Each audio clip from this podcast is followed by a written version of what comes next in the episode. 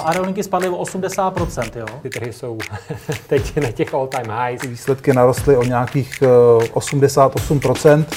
Co vlastně se teďka stalo v rámci uh, SpaceXu, je prostě něco neuvěřitelného. Plyn, uh, emisní povolenky, jakoby v tuhle tu chvíli ten systém je nefunkční.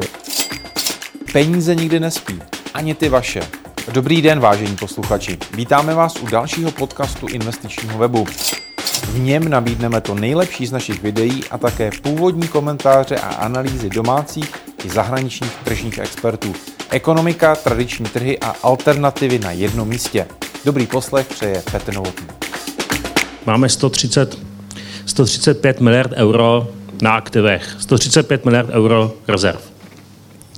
A e, jako celek banka je ve ztrátě, v kumulativní ztrátě a, a ta moje logika přeci je jako, proč to neotočit, jako, proč jako naše rezervy nám nevydělají na, na, naše, na naše pasiva, a proč jsme v kumulativní ztrátě. Takže aby to chtěl otočit, chtěl bych tu banku přinést do zisku, a když budeme v zisku, tak podle zákona můžeme část zisku, pokud vytvoříme rezervní fond, dávat do státního rozpočtu nebo do nějakého suverénního fondu. Takže já bych chtěl použít výnos z těch devizových rezerv, nikoli v ty devizové rezervy. A chtěl bych prostě udělat, aby v příštích sto letech jsme měli majetek, prachy, jak kdo chce, k tomu, aby jsme přečkali tu další krizi. Ten můj přístup je, že já vůbec netuším, jak, jestli porostou akcie nebo ne, nebo zlato, jestli poroste nebo ne. Naše velká výhoda jako centrální banky je v tom, že my máme nekonečný horizont. Že ten přežije, banka přežije mě určitě a bude tady pro naše děti, což jako je velká výhoda proti vašemu portfoliu.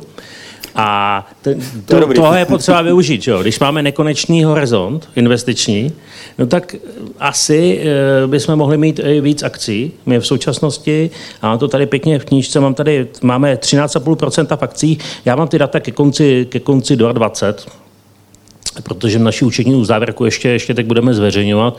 Takže e, těch 13,5% akcí, proč nemít víc, proč nemít 20, 30, 40% postupně Eh, postupně tu pozici jakoby nabírat a nikoliv nějak časovat trh. My kupujeme, my jsme vlastně, eh, já nevím, já když jsem měl investiční fond, tak jsem vždycky měl rád Warrena Buffetta a Petra Lynche.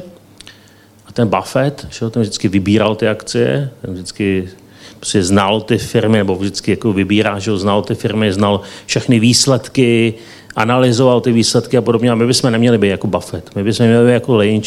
To znamená mít tisícovky akcí různých z celého světa a mít indexy. Co zlato?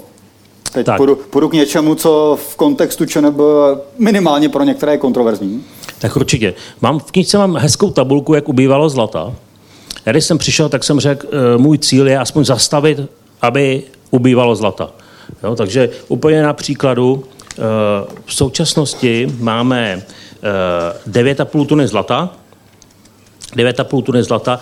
Eh, může se vám to zdát hodně nebo málo. 9,5 eh, tuny zlata je asi 0,3 nebo 0,2, 0,25, něco takového. 0,25% hodnotově z toho našeho portfolia. Takže máme strašně málo, strašně málo ve zlatě oproti tomu, jaký, jaký máme aktiva. V historii jsme měli i v roce v roce 93, kdy vznikla republika, jak jsme měli 60 tun, 60, 60 tun, tun zlata. Takže jako já jsem trošku opačný, mám přístup než ostatní členové bankovní kteří byli přede mnou, tedy od začátku republiky, jako České republiky.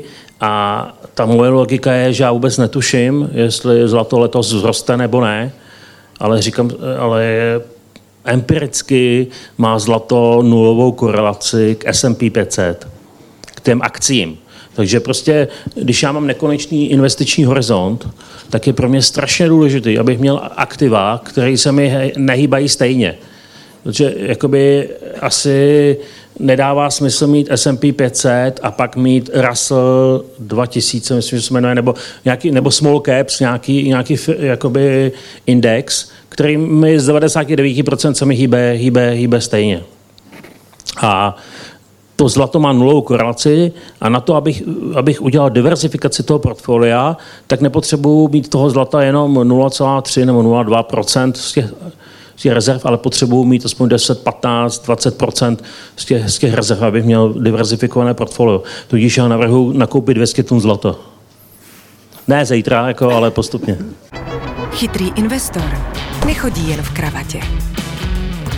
Chytrý investor už dávno nesedí celý den v kanclu. A taky ví, že jsou důležitější věci než grafy a čísla. Chytrý investor má totiž portu. Zhodnocujte své peníze chytře. Sportu. O vše se postaráme a vy si tak můžete v klidu užívat své výnosy. Portu. Lepší místo pro peníze.